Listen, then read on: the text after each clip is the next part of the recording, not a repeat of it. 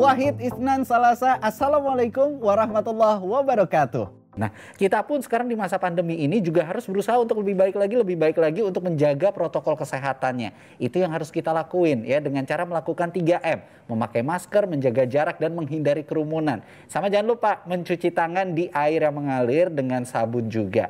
Yuk lindungi diri sendiri dan orang-orang tersayang kita, perkuat iman dan perkuat imun supaya selalu aman. Amin ya robbal alamin. Udah pada pinter ya sekarang ya. Di sini bisa jawab. Emang kalau pada keluar studio begini, keluar semua suaranya. Kalau di studio ya pada kicap. Ntar kapan-kapan Amr harus main nih ke studio kita harus, nih. Ya. Harus. Sekali-sekali ya. Tapi yang jelas ntar kita main game online dulu. Oh, harus itu. Tapi ntar kalau kena headshot, apa tadi? Allah Akbar. Oke, kita lanjutin lagi ngobrol-ngobrolnya. Oke, insya Allah. Nah, Berat. Mar, boleh diceritain gak sih eh, di hari-hari terakhirnya Abi, Hmm. itu ada nggak sih hal yang diwasiatkan sama Abi untuk Amr sendiri? Iya. Abi eh, waktu itu Abi meninggal di Penang, rumah sakit Penang. Hmm. Jadi alhamdulillah Amr sempat nemenin Abi selama seminggu di sana. Oke. Amr Amr se- sempat nemenin Abi selama seminggu. Hmm. Abi nggak bisa ngomong, Abi nggak bisa jalan ke mana-mana seharian di kasur aja. Hmm. Karena emang sangat lemah, kondisinya sangat lemah, imunnya nol. Hmm. Bener-bener harus steril. Nah, Amr di situ nemenin Abi, Amr di situ melihat bagaimana keistiqomahannya Abi yang sangat luar biasa yang Amr sampai sekarang nggak bisa lupa. Abi itu sangat menjaga tujuh sunnahnya Abi sampai sekarang. Di antaranya tahajud, duha, wudhu, sedekah dan itu Abi jaga. Oke. Abi Sampai saat sakit pun. sampai saat sakit pun Abi tidur Ah. batal wudhu bangun wudhu lagi buang air wudhu lagi sampai cuma satu jam tujuh kali wudhu udah gitu satu lantai itu pasien-pasien Abi sedekahin termasuk susternya termasuk yang tukang sapunya yang di rumah sakit itu Hmm. nah jadi hal-hal seperti itu yang membuat Amr sangat kagum sampai Abi sampai sekarang yang membuat Amr nggak bisa lupa saat-saat terakhir Abi Hmm. jadi waktu itu kita anak-anaknya semuanya ada di sini. Hmm. Bang Alvin, Amr, Azka, Syahla semuanya ada di sini. Lagi di di Lagi di rumah sini. di rumah sini oke. Yang ada di sana yang nemenin almarhum ada mama, kemudian istri Abi yang kedua, istri Abi yang ketiga, sama sahabat Abi Kiai Haji Muhammad Abdul Syukur dan Oke. beliau yang sekarang meneruskan di sini. Oke. Siapa? Hmm. Nah, alhamdulillah sebelum saat-saat terakhir Abi kita video call sama Abi. Hmm. di situ aduh masya Allah Amr kalau misalnya cerita di situ Amr gak di situ Amr gak gak kuat ngelihat Abi. Karena di mana mana selang semuanya. Am- Amr udah kayak ngelihat ini ini ini ini Abi gua ya gitu. Nah, nah. seperti ini begitu luar biasa. Saat itu Amr membaca Yasin membaca Al-Fajr surat-surat kesenangannya Abi. Hmm. karena apa? Baca Al-Fajr karena harapannya Abi meninggal dalam husnul khatimah Hmm. jadi kita baca surat Al-Fajr, kita baca surat Yasin, itu Amr baca Quran aja. Amr melihat sekilas melihat Abi video call. Amr nggak kuat melihatnya. Amr kalau ingin sekarang Amr bisa bisa nangis. Hmm. Tapi alhamdulillah setelah dua jam dua jam video call, alhamdulillah Abi dipanggil oleh Allah Subhanahu Wa Taala. Dan sebelum Abi dipanggil oleh Allah Subhanahu Wa Taala, Abi nulis sesuatu. Hmm. Liqa Allah. Liqa Allah. Yang artinya berjumpa dengan Allah. Karena Abi nggak bisa ngomong, Abi kalau minta apa-apa bisanya nulis. Oke. Abi nulis liqa Allah. Biasanya Abi nulis minum, makan, Hmm. buang air. Terakhir, tulisan terakhirnya Abi sebelum dipanggil liqa Allah. Berjumpa dengan Allah. Masya Alhamdulillah itu yang yang sampai sekarang yang ampun gak bisa lupa dan itu menjadi keyakinan besar bagi kami bahwasanya Abi meninggal dalam keadaan Husnul husnul khotimah. khatimah. Sesuai yang beliau harapkan Amin. Itu gitu kan. harapan terbesarnya beliau, cita-cita terbesar orang mukmin. Kata beliau, itu apalagi berjumpa dengan penciptanya. Oke, jadi dari tulisan itu lika Allah yang beliau tulis, apa yang Amir petik? Wah, itu Amr merasakan bahwasanya kayaknya bagi Abi dunia ini nggak ada apa-apanya. Bagi Abi dunia ini semuanya kecil bagi Abi. Hmm. Semuanya nggak ada apa-apanya. Yang ada semuanya Allah. Yang kita lihat orang, ciptaan Allah. Yang kita melihat bahwasanya oh asa, bagaimanapun orang itu. Mohon maaf orang autis orang gila. Ciptaan Allah umat Nabi. Kemudian kita melihat pemandangan yang luas. Ini punya Allah. Ini Allah yang menciptakan. Melihat orang yang menghina Abi. Hmm. waktu itu ada yang menghina Abi. Abi panggil ke sini. Abi kasih hadiah. Abi kasih peci. Abi kasih gamis akhirnya jadi jamaah tetap jamaah zikir setiap bulan di sini karena Abi melihat ini bukan musuh. Ini umat Nabi, ini Allah, semuanya Allah. Jadi semua nggak ada musuh di mata Abi ya? Gak ada musuh. Makanya Abi pun sangat dekat kepada non-muslim. Karena Abi sangat bersaudara kepada mereka. Hmm, oke. Saudara sesama manusia. Jadi yang Abi melihat semuanya ini Allah. Sampai-sampai kerinduan Abi meledak-ledak di hati sampai dilampiaskan, ditumpahkan di tulisan tadi. Liqa Allah. Berjumpa dengan Allah. Nah, Itu dia yang Amar gambarkan tadi. dari tulisan itu tadi apa nih eh isyarahnya gitu ya yang didapatkan sama Amir untuk kehidupan Amir ke depannya? Wah, tentu banyak banget sih. Apalagi di saat-saat seperti itu, Amar ini kan masih muda. Waktu itu Amar masih umur 18 tahun lah. 18, 17 tahun lah. Masih muda, masih banyak salah. Sekarang pun masih banyak salah. Hmm. Amar melihat Abi yang sudah sejauh ini, Hmm. yang sudah perjalanan hidupnya sudah sampai situ, Hmm. Amar tentu merasa berat kadang, merasa inse- insecure kadang. Hmm.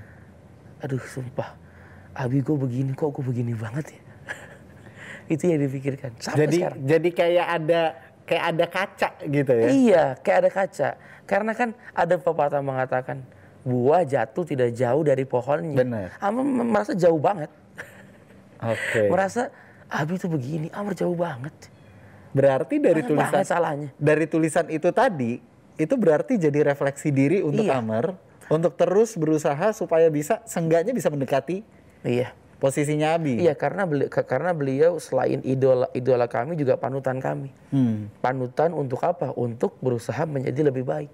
Jadi kalau misalnya Amr inget tadi kalau ngomong tentang eh, saat-saat terakhir Abi itu Amr langsung termotivasi diri untuk jadi lebih baik lagi. Oke. Untuk untuk jadi lebih semangat lagi. Kadang Amr kalau misalnya lagi malas kerja tugas kampus, Ya. ingat itu semangat lagi, ayo maju lagi, ayo maju lagi.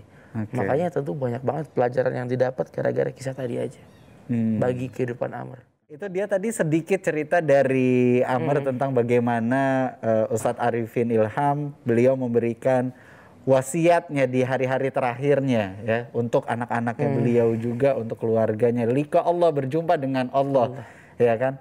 Dan akhirnya kita bisa terus berusaha untuk bisa lebih baik lagi, lebih baik lagi dan lebih baik lagi. Jadi waktu Amr waktu ditinggalin sama Abi waktu itu, Ah. di hari itu apa yang sebenarnya Amr pikirin untuk ke depannya? Amr se- sebelum memikir ke depannya, Amr bersyukur.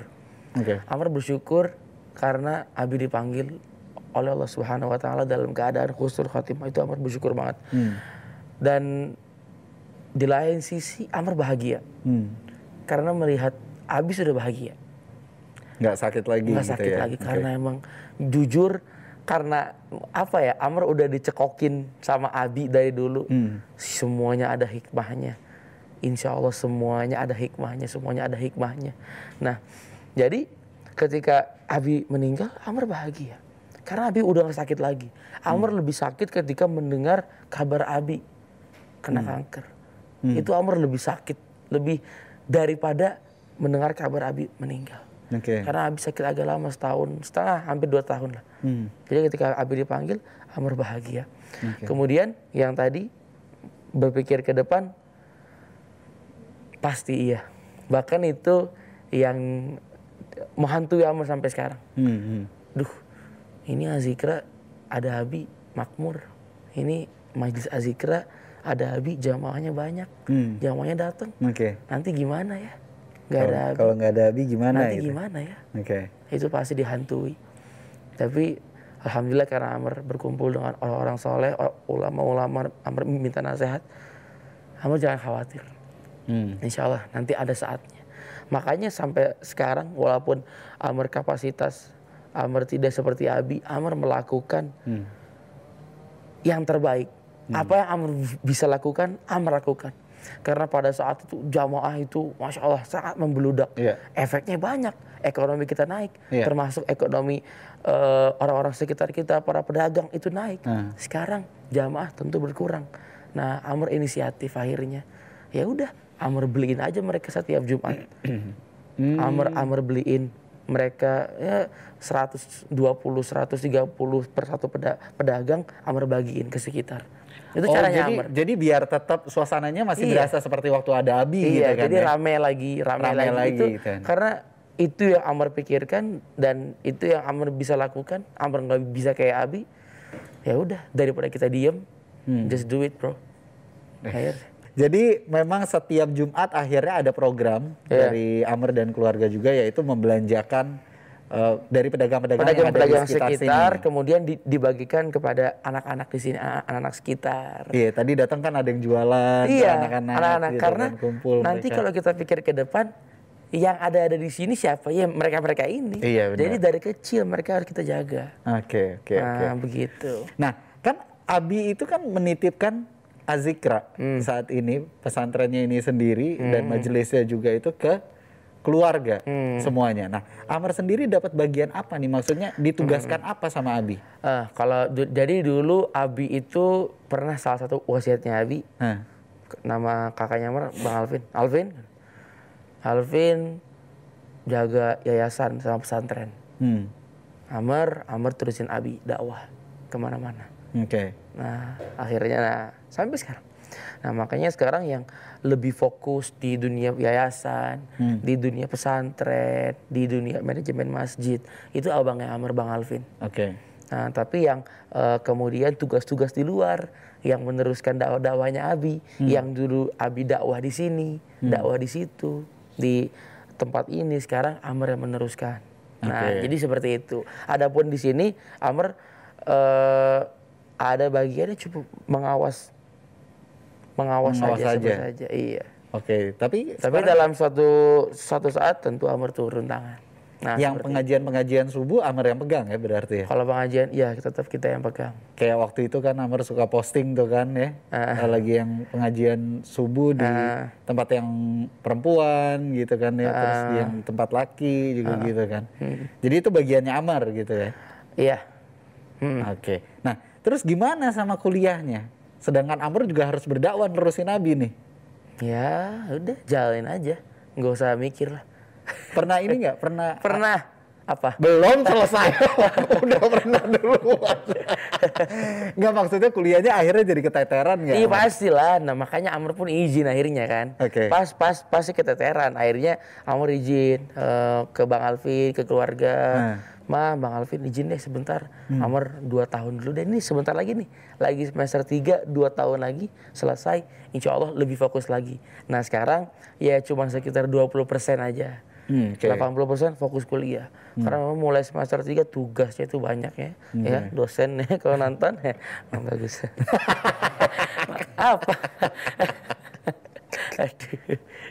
Apa yang paling susah di kuliah Amr apa sekarang Enggak, sebenarnya enggak susah sebenarnya. Sebenarnya kita ini eh, cuman malesnya aja. Eh. Nah, kita ini dididik supaya nggak males itu aja sebenarnya.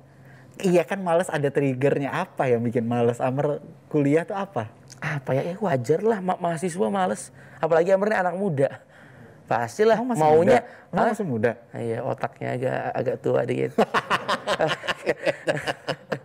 iya emang kita ini kan banyak godaan juga. Eh, eh. apalagi di kamar. Eh, PS4 ada PC ada.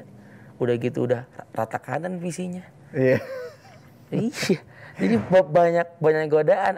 Kalau apa habis itu kalau misalnya tiba-tiba ada yang ngechat kan mar ayo gas. Aduh.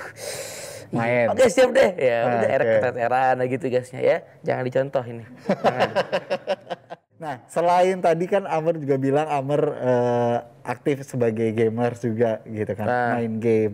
Sosial media juga aktif. Waktu itu sering banget live. Wah. Live tuh sering banget waktu itu. Iya. Sekarang kenapa berkurang? ya itu dia gara-gara aduh maaf dosen gara-gara kampus emang karena memang se- sehari-hari tugas kemudian kelas lagi Hmm. aduh ini curhatan kan tugas muncul lagi tugas baru tugas ini belum selesai muncul lagi tugas nah makanya sekarang kuliah ini itu kita eh, sukses kuliah ini tergantung kebaikan teman sebenarnya. Hmm. Kalau teman mau joki, Gue lagi serius loh. Jangan dicontoh. Gue dengerinnya serius loh. Kebaikan teman apa? Joki. iya, aduh, jangan, jangan Tapi dicontoh. pernah. Makanya kita ini suka traktir teman. Enggak, ini maksudnya contoh Iya, kebaikan. oh, upah terima kasih kan. Enggak. Enggak, kadang kita ini kan nggak bisa nolak rezeki. Eh. Bar, tugas ini udah apa belum? Belum. Ya, belum. Eh. Wah, boleh. Nah, gitu. Oh jadi kalau ada yang nawarin Nah, baru kita ini gitu nggak kan pernah ya. minta, nggak boleh. Iya, tapi nebar kode kan. Iya. Biar ada yang nawarin gitu kan. iya. Hmm, Canggih. itu dia. Main siasat gitu. Oke, tapi sebenarnya artis sosmed sendiri buat Amar apa sekarang? Hmm, tempat pamer, tempat nge-share apa yang kita pikirkan. Apa lagi sosial media buat apa? Jon? Emang, emang, Buat emang. pamer, buat apa lagi? Iya, makanya sering banyak orang yang bilang katanya emang sosmed tempatnya pamer. tapi sekarang banyak yang kebablasan juga akhirnya. Ya, Iya kan? itu orang-orang star syndrome aja. Iya, parah. Jadi kayak kayak bener-bener full seluruh hartanya tuh udah kayak Hmm. diinin aja gitu loh. Nah, iya itu kayaknya balik lagi tuh ya. Nah. Persepsi masing-masing tuh. Kalau Amar apa yang dipamerin? Apa ya? Amr tuh sosmed untuk menghibur mereka aja sebenarnya karena Amr nih orang yang senang ketika melihat orang senang. Oke. Apalagi gara-gara Amr hibur, mereka senang, wah Amr juga, juga ikut senang. Hmm. Topik-topik yang sering diangkat waktu itu kan ya topik jomblo, Sampai sekarang kayaknya. nikah muda gitu Ah. kan ya. Ini emang followersnya Amer seneng membahas ginian atau emang Amer seneng Emang dicengin ini begitu? kalau ah, dicengin karena emang isi DM Amr tuh gitu semua isinya. Hah. Ya udah, keresahan keres ini aw- awalnya kesel. Hah. Aw- oh, ini orang apaan sih?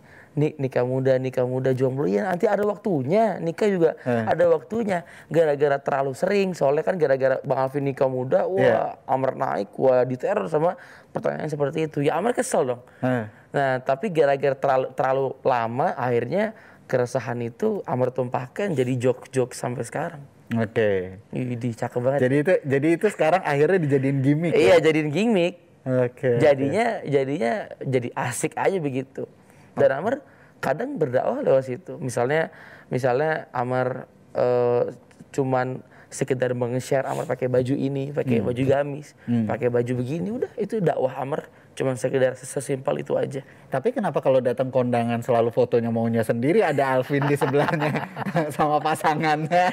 Terus satu lagi yang nikah sama pasangannya Amer selalu di tengah Enggak, sendiri itu gitu. kan ada captionnya bini lagi ke toilet jadi nggak ikut Bini lagi ke toilet. kadang kita emang senang mancing-mancing netizen Iya iya emang. Nah. Nah di sini rata-rata kita teman-teman kita yang udah pada punya bini gitu postingnya. apa bini ke toilet Ah, nggak balik-balik habis tuh Nggak balik-balik.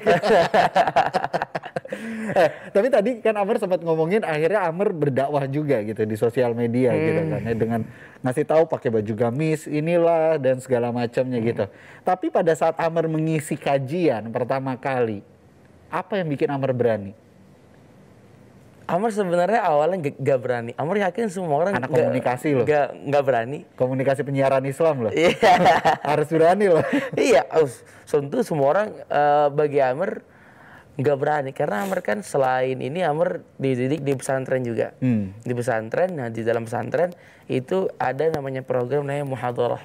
Oke. Nah itu biasanya latihan-latihan pidato, Hmm. latihan-latihan komunikasi di atas panggung di situ. Iya. Nah Amr terdidik dari situ. Oke. Nah, biasanya kalau bisa di pondok awal-awal nggak suruh ceramah, suruh naik panggung, suruh joget. Hah? iya, Kok joget? joget supaya pede. Oke. Oke oke oke. Iya, emang emang kadang aneh ya, tapi beda-beda pesantren. Bagi dong metode. videonya. Intinya tujuannya untuk meningkatkan keberanian. Nah, Oke. dari situ akhirnya terbiasa.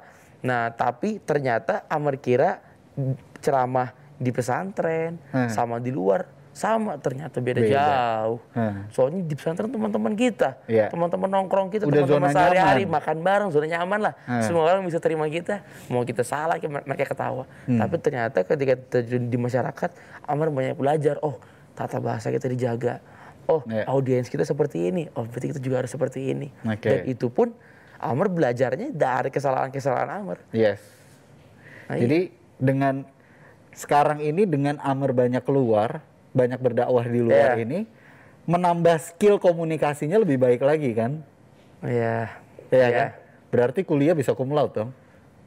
Amin. amin. Dia ragu loh. Amin enggak amin. Enggak, karena emang Amr ini aduh emang sih penyakit. Amr ini mut-mutan sebenarnya. Eh, eh. Mut-mutan tuh kalau misalnya lagi ngerjain tugas, mut ya ngerjain tugas. Oke. Eh, ini tanya nih orang-orang sekitar Amr tahu sendiri lah Amr gimana. Eh, Mut-mutan banget. Mut-mutan Saya banget. ngomong enggak. Karena Amr tahu kalau misalnya Amr ngerjain itu gak bakal selesai. Nah. Ada ada project Amr lagi nggak mood Amr kerjain. Memang itu kurang profesional sebenarnya. Iya. Tapi Amr pengen hasilan terbaik. Hasilan terbaik Amr kalau kalau lagi Amr mood. Oke. Nah gitu. Siap, Makanya siap, tunggu siap. saya mood ya tim. Selagi ada PS nggak bisa. Talata Ithnan Wahid. Wassalamualaikum warahmatullahi wabarakatuh.